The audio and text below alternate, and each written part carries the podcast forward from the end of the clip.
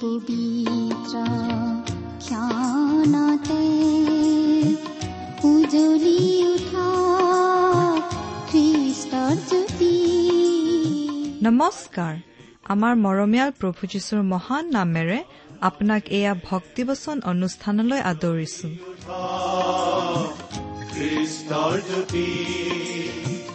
আকাশ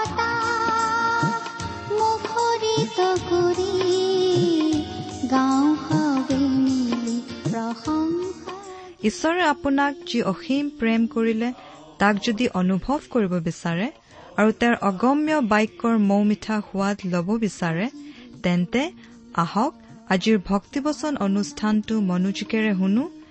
এয়া আপোনালৈ আগবঢ়াইছো ঈশ্বৰৰ জীৱন্ত বাক্যৰ অনুষ্ঠান ভক্তিবচন।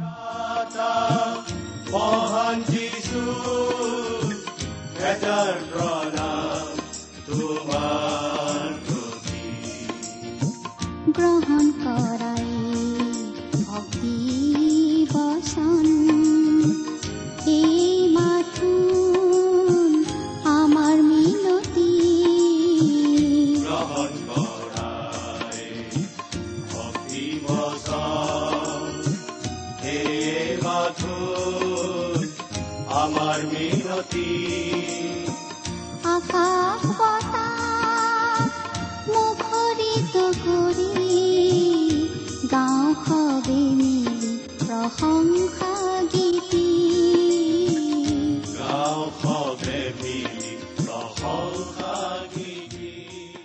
আমাৰ মহান ত্ৰাণকৰ্তা প্ৰভু যীশুখ্ৰীষ্টৰ নামত নমস্কাৰ প্ৰিয় শ্ৰোতা। আশা কৰোঁ আপুনি ভালে কুশলে আছে। লগতে আমি এই বুলিও আশা কৰিছো যে আপুনি আমাৰ এই ভক্তিবচন অনুষ্ঠানটো নিয়মিতভাৱে শুনি আছে। এই অনুষ্ঠান শুনি আপুনি কেনে পাইছে?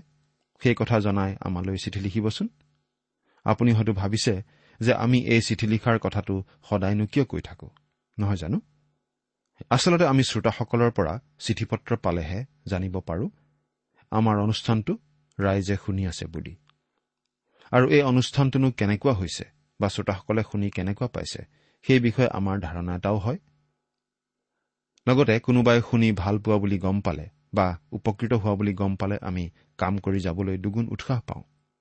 সেইবাবেই অনুৰোধ কৰিছো আজিয়েই দুষাৰিমান লিখি পঠিয়াওক। খ্ৰীষ্টীয় বিশ্বাস সম্বন্ধে কিবা জানিবলগীয়া কথা থাকিলেও আমালৈ লিখিব পাৰে।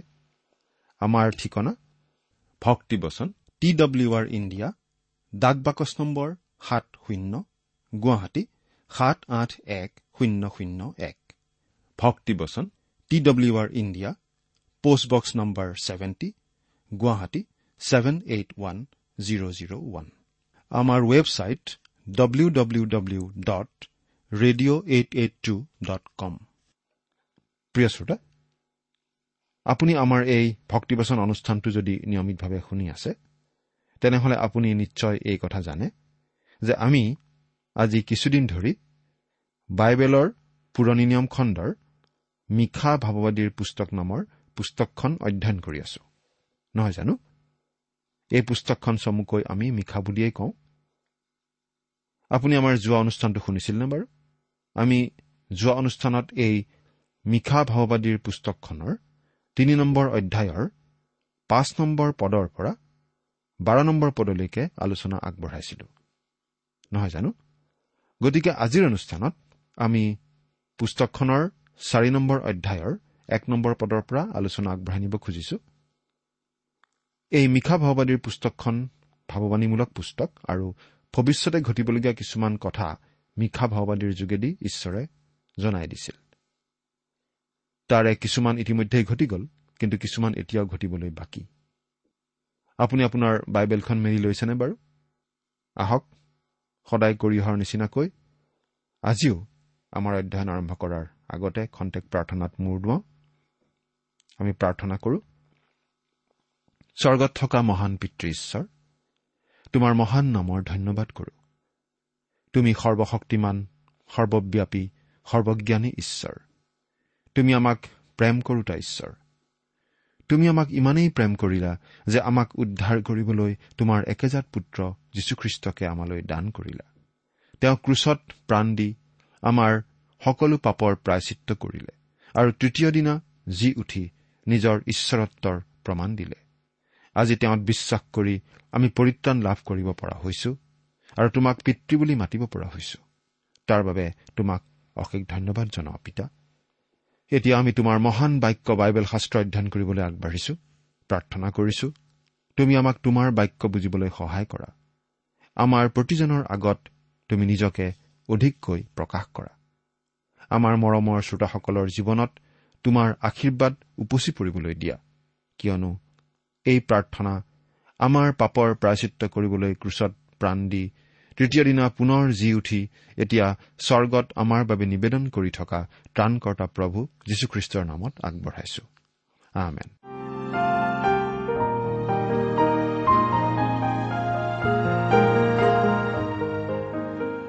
মিশা ভাওবাদীৰ পুস্তকৰ চাৰি নম্বৰ অধ্যায়ত আমি পাওঁ শেষৰ কালৰ বিষয়ে দিয়া ভাৱবাণী। মিশা ভাওবাদীৰ সৰু ভাৱবাণীটো যিহুদীবিলাকৰ এটা দিনৰ লগত তুলনা কৰিব পাৰি। কাৰণ ই সন্ধিয়াৰ পৰা ৰাতিপুৱালৈকে যায়। তেওঁবিলাকৰ দিনটো আৰম্ভ হয় ৰাতিৰ অন্ধকাৰেৰে। যিহুদীবিলাকৰ দিনটোৰ আৰম্ভণি হিচাপ কৰা হয় ৰাতিৰ অন্ধকাৰৰ পৰা। প্ৰথম তিনিটা অধ্যায়ত আমি দেখিবলৈ পালো সুধ বিচাৰৰ দণ্ডৰ ঘোষণা। হে প্ৰভু তোমাৰ নিচিনা কোন আছে? অতীতৰ পাপৰ বাবে ভৱিষ্যতে আহিবলগীয়া অভিশাপৰ কথা ঘোষণা কৰাৰ ক্ষেত্ৰত। কিন্তু আনকি সেই অভিশাপৰ অন্ধকাৰৰ মাজতো অলপ আশাৰ ৰেঙনি আছিল আৰু খন্তেকৰ বাবে বিৰিঙি উঠিছিল। এতিয়া আমি এটা নতুন অংশত প্ৰৱেশ কৰিছো। ইয়াত মিখাই ভৱিষ্যতৰ গৌৰৱৰ বিষয়ে ভৱিষ্যৎবাণী কৰিছে। এই কথা আমি পাম চাৰি আৰু পাঁচ নম্বৰ অধ্যায়ত। অৱশ্যে এই অংশটো আমি চুটি অভিশাপৰ বিষয় এটা পাম। কিন্তু ঘাইকৈ ই হৈছে উজ্জ্বল গৌৰৱময় পোহৰ। মাজে মাজে এচপৰা ডাৱৰ আহি সূৰ্যৰ উজ্জ্বল পোহৰ অলপ ম্লান কৰি অৱশ্যে দিয়ে। বাইবেলৰ পৰা পাঠ কৰি দিম চাৰি নম্বৰ অধ্যায়ৰ এক নম্বৰ পদ। মিশা চাৰি নম্বৰ অধ্যায়ৰ এক নম্বৰ পদ। কিন্তু অন্তিম কালত এই ৰূপ ঘটিব যে জিহুৱাৰ গৃহৰ পৰ্বতখন পৰ্বতবোৰতকৈও ওখত স্থাপন কৰা হ'ব আৰু গিৰিবোৰতকৈও ওখ কৰা হ'ব। তাতে জাতিবোৰে সোঁত বোৱাৰ নিচিনাকৈ তালৈ বৈ যাব। এইটো বাইবেল শাস্ত্ৰৰ অতি গুৰুত্বপূৰ্ণ অংশ আৰু আপোনাৰ চিনাকি যেন লাগিব পাৰে। কাৰণ ই ঋষয়া ভাওবাদীৰ দ্বিতীয় অধ্যায়ৰ লগত মিলে। আপোনাৰ নিশ্চয় মনত আছে যে ঋষয়া মিশা ভাওবাদীৰ সমসাময়িক আছিল। আৰু ইমান বছৰ ধৰি পণ্ডিত কিছুমানে এই কথাই গৱেষণা কৰি আছে মিশাই জিচয়াৰ পৰা নকল কৰিছিল নে জিচয়াই মিশাৰ পৰা নকল কৰিছিল? কিন্তু আমি ভাবো এনেধৰণৰ চিন্তা কৰাটো সময়ৰ খৰচ মাথোন।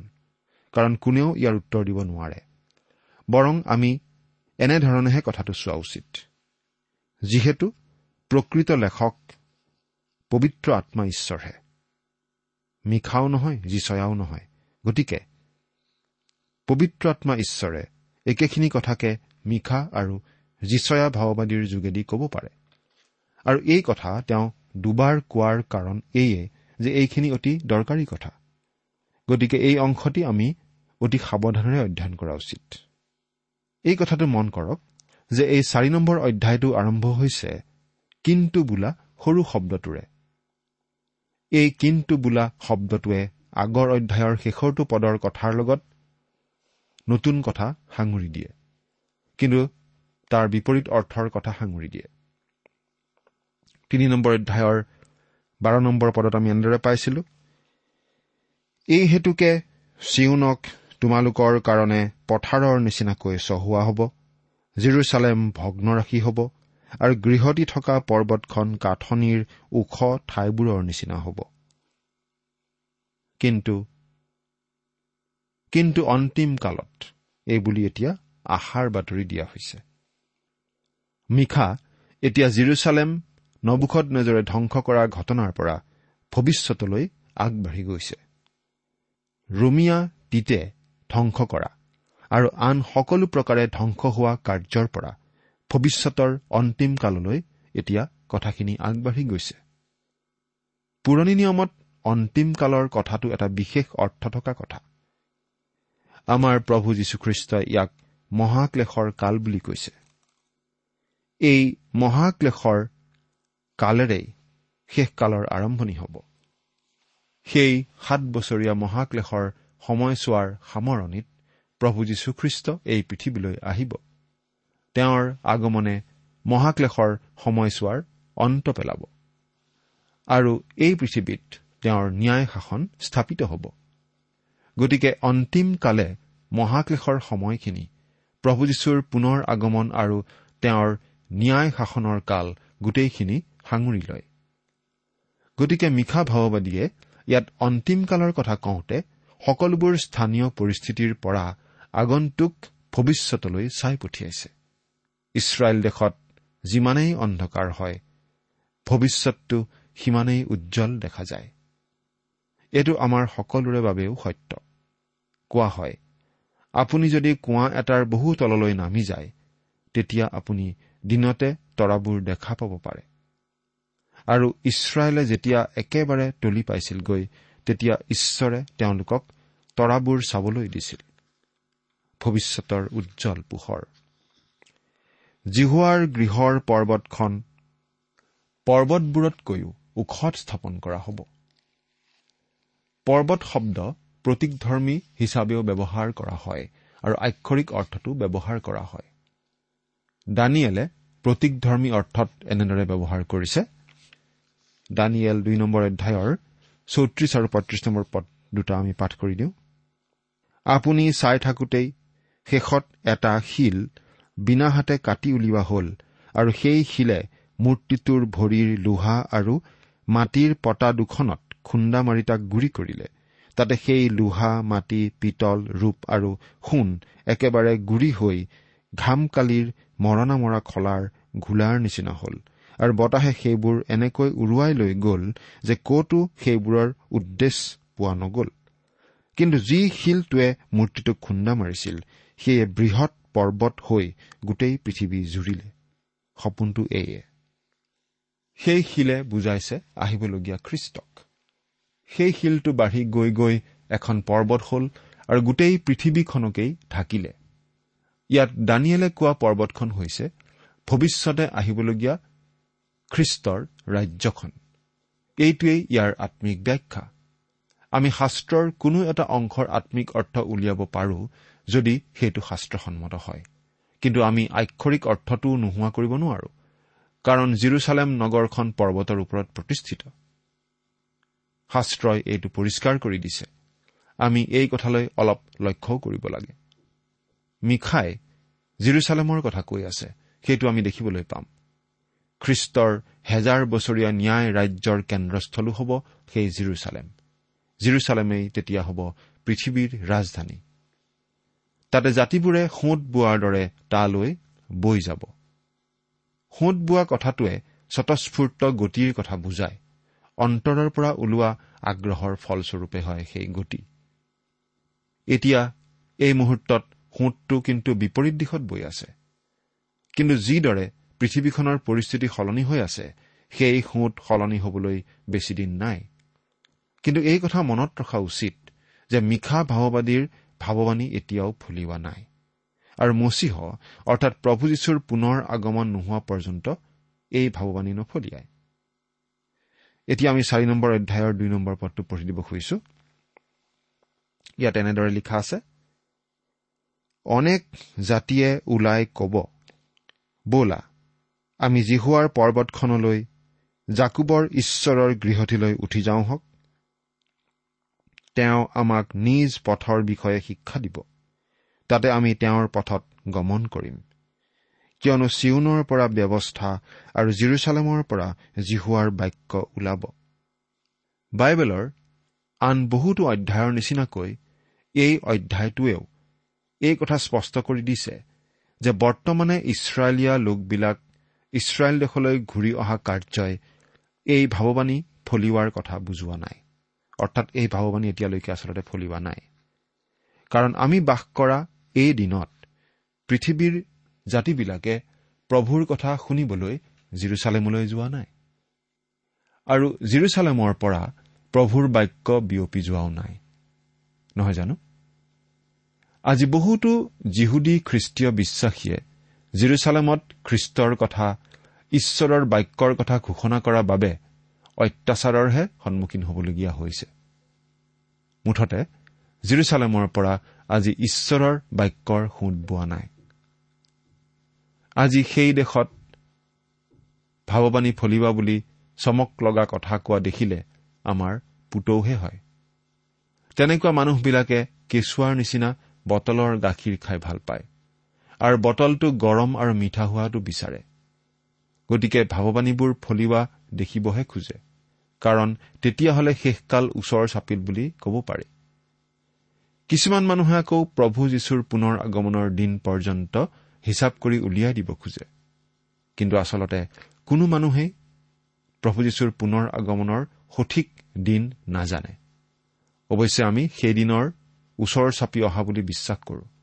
আমি প্ৰভুৰ পৰা কোনো গোপন খবৰ পোৱা নাই আৰু সেই দিন সঠিকভাৱে আমাক বাইবেলতো জনোৱা হোৱা নাই। এনেদৰে চমকপ্ৰদ কথা ঘোষণা কৰি ফুৰা মানুহবোৰে বাইবেলৰ গোটেইবোৰ ভাৱবাণী খৰচী মাৰি পঢ়া উচিত।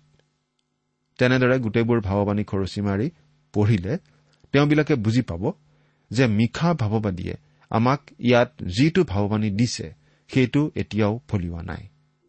আজি জিৰচালেমৰ পৰা ঈশ্বৰৰ বাক্য বিয়পি যোৱা নাই। উদাহৰণস্বৰূপে জিৰচালেমত কোনো বাইবেল ছচাইটিয়ে বাইবেল ছপা কৰি পৃথিৱীৰ চাৰিওপিনে পঠিওৱা নাই। সেই ঠাইৰ পৰা নতুন নিয়ম বিলোৱাটো প্ৰায় অসম্ভৱ হৈ আছে। মিশা ভাৱবাদীয়ে কৈছিল যে জিৰচালেমৰ পৰা ঈশ্বৰৰ বাক্য বিয়পি যাব। সেইটো এতিয়াও ঘটা নাই। কিন্তু ইয়াৰ এই সুন্দৰ ভাৱবাণী ফলিয়াব যেতিয়া আমাৰ প্ৰভু যীশুখ্ৰীষ্টই পৃথিৱীত তেওঁৰ হাজাৰ বছৰীয়া ন্যায় শাসন প্ৰতিষ্ঠা কৰিব আৰু চলাব জিৰচালেমৰ পৰা। তেতিয়া পৃথিৱীৰ আন আন ডাঙৰ ঠাইৰ পৰা মানুহবোৰ জিৰচালেমলৈ যাব খ্ৰীষ্টৰ পৰা শিক্ষা ল'বলৈ। তেনেকুৱা এটা কথাই ইয়াত বুজোৱা হৈছে। এতিয়া আমি চাৰি নম্বৰ অধ্যায়ৰ তিনি নম্বৰ পদটো পাঠ কৰি দিম। ইয়াত এনেদৰে লিখা আছে তেওঁ জাতিবোৰৰ মাজত শোধ কৰিব। আৰু দূৰত থকা বলৱন্ত জাতিবোৰৰ নিমিত্তে বিচাৰ নিষ্পত্তি কৰিব। তাতে সিহঁতে নিজ নিজ তৰোৱাল ভাঙি নাঙলৰ ফাল গঢ়াব আৰু নিজ নিজ বৰ্ষা ভাঙি কলম দিয়া কটাৰী গঢ়াই ল'ব। এক জাতিয়ে আন জাতিৰ বিৰুদ্ধে তৰোৱাল নাদাঙিব। সিহঁতে যুদ্ধবিদ্যা আৰু নিশিকিব। তেওঁ জাতিবোৰৰ মাজত সুধবিচাৰ কৰিব।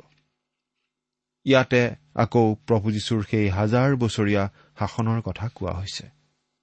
যেতিয়া প্ৰভু যীশুৰ পুনৰ আগমন হ'ব তেতিয়া এইবিলাক ঘটিব। পৃথিৱীৰ জাতিবোৰে তেওঁলোকৰ সকলো বাদ বিবাদ নিষ্পত্তি কৰিবলৈ প্ৰভু যীশুৰ ওচৰলৈ আনিব। প্ৰভু যীশু পৃথিৱীলৈ নহা পৰ্যন্ত এই পদত উল্লেখ থকা ঘটনাবোৰ ঘটিব নোৱাৰে। সিহঁতে নিজ নিজ তৰোৱাল ভাঙি নাঙলৰ ফাল গঢ়াব আৰু নিজ নিজ বৰ্ষা ভাঙি কলম দিয়া কটাৰী গঢ়াই ল'ব। ৰাষ্ট্ৰসংঘৰ ঘৰত এই পদটো লিখি থোৱা আছে। কিন্তু বিশ্বাস কৰক এই পদটো তাত থকা উচিত নহয়। কাৰণ মানুহবোৰে যদি আজি তৰোৱাল ভাঙি নাঙলৰ ফাল সাজিছে তেন্তে তেনে তৰোৱালৰ প্ৰয়োজন নাই বাবেহে কৰিছে। কাৰণ তৰোৱালতকৈ উন্নত অস্ত্ৰ আজি মানুহৰ হাতে হাতে আছে। আৰু যদিহে আজি বৰ্ষা ভাঙি কলম কটাৰী বনাইছে তেনেহলে সেই কলম কটাৰী ব্যৱহাৰ কৰা হৈছে সৰু সৰু দুৰ্বল দেশবোৰক দমন কৰি ৰাখিবলৈ। মুঠতে এই পদটো আজি মানুহৰ মাজত কোনোপধ্যেই ফলিওৱা নাই। মানুহৰ মাজত আচলতে আজি একো মিলা প্ৰীতি নাই। এই কথা ফলিয়াব যেতিয়া প্ৰভু যীশুখ্ৰীষ্ট পুনৰ এই পৃথিৱীলৈ আহিব তেওঁৰ ন্যায় শাসন প্ৰতিষ্ঠা কৰিবলৈ। এক জাতিয়ে আন জাতিৰ বিৰুদ্ধে তৰোৱাল নাদাঙিব। সিহঁতে যুদ্ধবিদ্যা আৰু নিশিকিব। আমি নিশ্চয় এই অৱস্থা এতিয়াও পোৱা নাই। শান্তিৰাজ প্ৰভু যীশুৱে শাসন নকৰা পৰ্যন্ত এই অৱস্থা আমি কেতিয়াও দেখিবলৈ নাপাওঁ। আজি যিহেতু প্ৰভু যীশুৱে আমাক শাসন কৰা নাই গতিকে আমি আমাৰ তৰোৱাল ভাঙি নাঙলৰ ফাল গঢ়া নাই বৰং যুদ্ধৰ বাবে সাজু হৈহে আছো। অস্ত্ৰ বিৰতিৰ আচলতে সময়েই নাই। আচলতে শান্তি বিচৰা প্ৰত্যেকজন লোকেই বিচাৰে যে আমাৰ অস্ত্ৰ শস্ত্ৰ নিৰ্মাণ কৰাটো বন্ধ হ'ব লাগে আৰু ৰাইজৰ টকা বেলেগ ভাল কামতহে ব্যৱহাৰ হ'ব লাগে। কিন্তু যেতিয়ালৈকে আমি এখন ভয়ানক পৃথিৱীত বাস কৰি আছো আত্মৰক্ষাৰ বাবে অস্ত্ৰ শস্ত্ৰৰ প্ৰয়োজন আমাৰ সদায় হৈ থাকিবই। প্ৰভু যীশুৱে এই বুলি কৈছিল। লোকে লিখা শুভবাৰ্তা এঘাৰ নম্বৰ অধ্যায়ৰ একৈশ নম্বৰ পদত আমি এই বুলি পাওঁ যেতিয়া বলৱানজনে অস্ত্ৰ শস্ত্ৰেৰে ভালকৈ যুগুত হৈ নিজৰ চোতালত পহৰা দিয়ে তেতিয়া তেওঁৰ সম্পত্তি নিৰাপদে থাকে। আত্মৰক্ষাৰ বাবে বল প্ৰয়োগৰ প্ৰয়োজন হ'ব পাৰে। কিন্তু যেতিয়া প্ৰভু যীশুখ্ৰীষ্টই এই পৃথিৱীত তেওঁৰ ন্যায় শাসন প্ৰতিষ্ঠা কৰিবহি তেতিয়া আমাক আৰু প্ৰতিৰক্ষাৰ প্ৰয়োজন নহ'ব। আমি আমাৰ দুৱাৰৰ পৰা তলাবিলাক খুলি পেলাব পাৰিম। কিন্তু তেতিয়ালৈকে আমাৰ দুৱাৰত এটা নহয় তাতোকৈ বেছি তলাৰ প্ৰয়োজন নিশ্চয় থাকিব। আমি আজি তেনেকুৱা জগতখনতেই বাস কৰি আছো। মিশা ভাৱবাদীৰ এই ভাৱবাণীবিলাক বৰ্তমান সময়ৰ বাবে নহয় আহিবলগীয়া অন্তিম কালৰ বাবেহে। আমি সেইটো মনত ৰখা উচিত। এতিয়া চাৰি নম্বৰ পদটো পঢ়ি দিম। মিশা চাৰি নম্বৰ অধ্যায়ৰ চাৰি নম্বৰ পদ। কিন্তু প্ৰতিজনে নিজ নিজ দ্ৰাক্ষালতাৰ আৰু ডিমৰু গছৰ তলত বহিব আৰু কোনেও সিহঁতক ভয় নলগাব কিয়নো বাহিনীবিলাকৰ জিহুৱাই নিজ মুখেৰে এই কথা কলে। প্ৰতিজনে নিজ নিজ দ্ৰাক্ষালতাৰ আৰু ডিমৰু গছৰ তলত বহিব আৰু কোনেও সিহঁতক ভয় নলগাব। প্ৰিয় শ্ৰোতা চিন্তা কৰি চাওকচোন। আজি বাৰু ইছৰাইল দেশত এই কথা ফুলিয়াইছেনে আজি আমি সকলোৱেই আচলতে ভয়তহে আছো। কিয়? কাৰণ এই ভাৱবাণী এতিয়াও ফলিওৱা নাই। তাৰপিছত এই বুলি কোৱা হৈছে কিয়নো বাহিনীবিলাকৰ জিহুৱাই নিজ মুখেৰে এই কথা কলে। এই সকলো কথা ঈশ্বৰে নিজেই ঘোষণা কৰি দিছে। ঈশ্বৰে নিজে এই কথা ঘোষণা কৰি থৈছে। ঈশ্বৰে কৈছে যেতিয়া তেওঁ তেওঁলোকক নিজ দেশত স্থাপন কৰিব তেতিয়া শান্তি আৰু জয় জয় মই মই অৱস্থাতহে তেওঁলোক থাকিব পাৰিব। পাঁচ নম্বৰ পদ যদিও আটাই জাতিয়ে নিজ নিজ দেৱতাৰ নামেৰে চলে তথাপি আমি হলে যুগে যুগে চিৰকাললৈকে আমাৰ ঈশ্বৰ জিহুৱাৰ নামেৰেহে চলিম। আমি হলে যুগে যুগে চিৰকাললৈকে আমাৰ ঈশ্বৰ জিহুৱাৰ নামেৰেহে চলিম। অতীতত তেওঁলোকে বিভিন্ন দেৱ দেৱীৰ সেৱা উপাসনা কৰিলেও আহিবলগীয়া সেই অন্তিম দিনত তেওঁলোকে কিন্তু প্ৰকৃত জীৱিত ঈশ্বৰৰ পথতহে চলিব। প্ৰিয় শ্ৰোতা আপুনি বাৰু কোন পথত চলি আছে? প্ৰকৃত জীৱন্ত ঈশ্বৰক আপুনি চিনি পায়নে? তেওঁৰ বিষয়ে জানেনে? আপুনি বাৰু তেওঁৰ পথতেই চলি আছেনে? চিন্তা কৰি চাওকচোন। ঈশ্বৰে আপোনাক আশীৰ্বাদ কৰক। আমেন।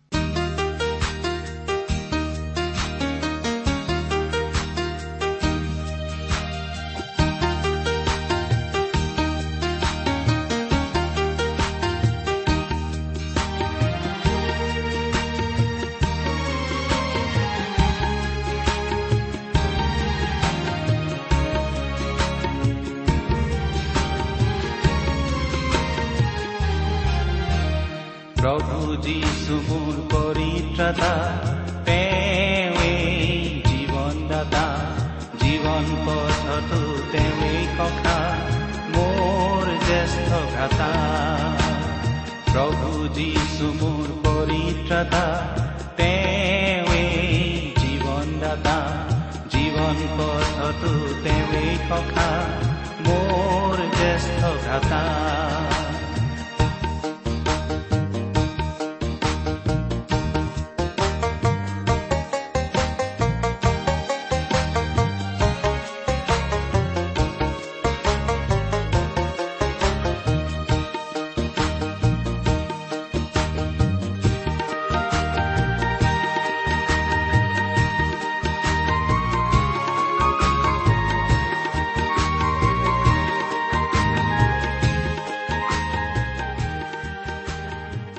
ইমান পৰে আপুনি ভক্তিবচন অনুষ্ঠানটি শুনিলে? এই বিষয়ে আপোনাৰ মতামত জানিবলৈ পালে আমি নথৈ আনন্দিত হ'ম। আমি প্ৰস্তুত কৰা বাইবেল অধ্যয়নৰ আন চিডিসমূহ পাব বিচাৰিলেও আমালৈ লিখক। অনুষ্ঠানটি শুনি কেনে পালে? আমালৈ চিঠি লিখি জনাবচোন। অনুষ্ঠানত প্ৰচাৰ কৰা কোনো কথা বুজিব লগা থাকিলেও আমালৈ লিখক। আমাৰ ঠিকনা? ভক্তিবচন ট্ৰান্স ৱৰ্ল্ড ৰেডিঅ' ইণ্ডিয়া ডাক বাকচ নম্বৰ সাত শূন্য গুৱাহাটী সাত আঠ এক শূন্য শূন্য এক। ঠিকনাটো আৰু এবাৰ কৈছো ভক্তিবচন ট্ৰান্স ৱৰ্ল্ড ৰেডিঅ' ইণ্ডিয়া ডাক বাকচ নম্বৰ সাত শূন্য গুৱাহাটী সাত আঠ এক শূন্য শূন্য এক। আমাৰ ইমেইল এড্ৰেছটো হৈছে S M is T T B at the rate radio' eight eight two dot com. আমাৰ ৱেবছাইট ইন আপুনি টেলিফোনৰ মাধ্যমেৰেও আমাক যোগাযোগ কৰিব পাৰে। আমাৰ টেলিফোন নম্বৰটো হৈছে শূন্য তিনি ছয় এক দুই ছয় শূন্য চাৰি ছয় সাত এক। ফোন নম্বৰটো আকৌ এবাৰ কৈছো zero' three six one two six zero' four six seven one আজিৰ অনুষ্ঠানটি ইমানতে সামৰিছো।